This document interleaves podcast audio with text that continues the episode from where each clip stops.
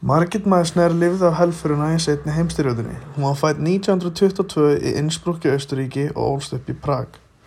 Árið 1934 fór gýðingahattur í borgin að verða meira og meira áberandi og ástandi var alls ekki gott fyrir þær til að búa við. Og mamma hennar og hún ákvaða að flýja til Parísar. En áhrif nazista náðu fljótt okkar líka. 1940 fekk móður hennar bref þar sem henni á tilkynnt að henni er vísa á landi innan þrjá daga. Þá var Margaret aðeins 18 ára og eftir að mamma hennar hafi verið sendið burtu voru hún alin eftir í París, þar sem ekki gott ástand ríkti. Margaret flúði þá hjóli sem var eina leginn sem hún fann og lagði að stað að finna móðu sína. Á eitthvað ótrúlegan hátt tókst mömmu hennar á sama tíma einnig að flýja fangabúðuna sem hún hafi verið sendið í Gers. Margaret hjólaði kringum 30 km áður hún fann móðu sína. Margaret lýsi því hvernig hún ætlaði ekki að þekkja hennar fyrst til hún sá hana. Móður hennar kom veifand á móti henni en hún var í algjöru sjokki og þekkti henni ekki. Þær komist á endanum til bandaríkina. Þá var Margit 19 ára en ekki gekk það án áfalla. Þær voru handtaknar á spáni og áttu ekki komast lengra en með ótrúleiri heppni og stuðningi frá vinum.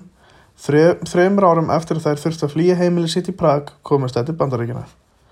Hún giftir svo Frank Meissner sem vann fyrir saminuðu þjóðunar og ferðast um heiminn með honum í 54 ár. Hún hefur lært mikið og að marga minninga frá ferðalöfum sínum með honum. Nú í dag gerur hún allt sem hún getur til að tryggja það að þessir atbyrg gleymist aldrei. Hún er virkur sjálfbálið í Washington DC Holocaust Museum á samt 80 öðrum eftirlifendum. Hún hittir reglulega ungd fólk og segir þeim frá sögu sinni, þjóðamorðinu og geðingum og hvernig hún slapp frá nazistum. Hún hefur unni harta því að sapna upplýsingum og sögum frá öðrum sem hafa lifaði gegnum þessa tíma og hjálpa öðrum eftirlefendum að finna upplýsingur um fjölskyldu sínar.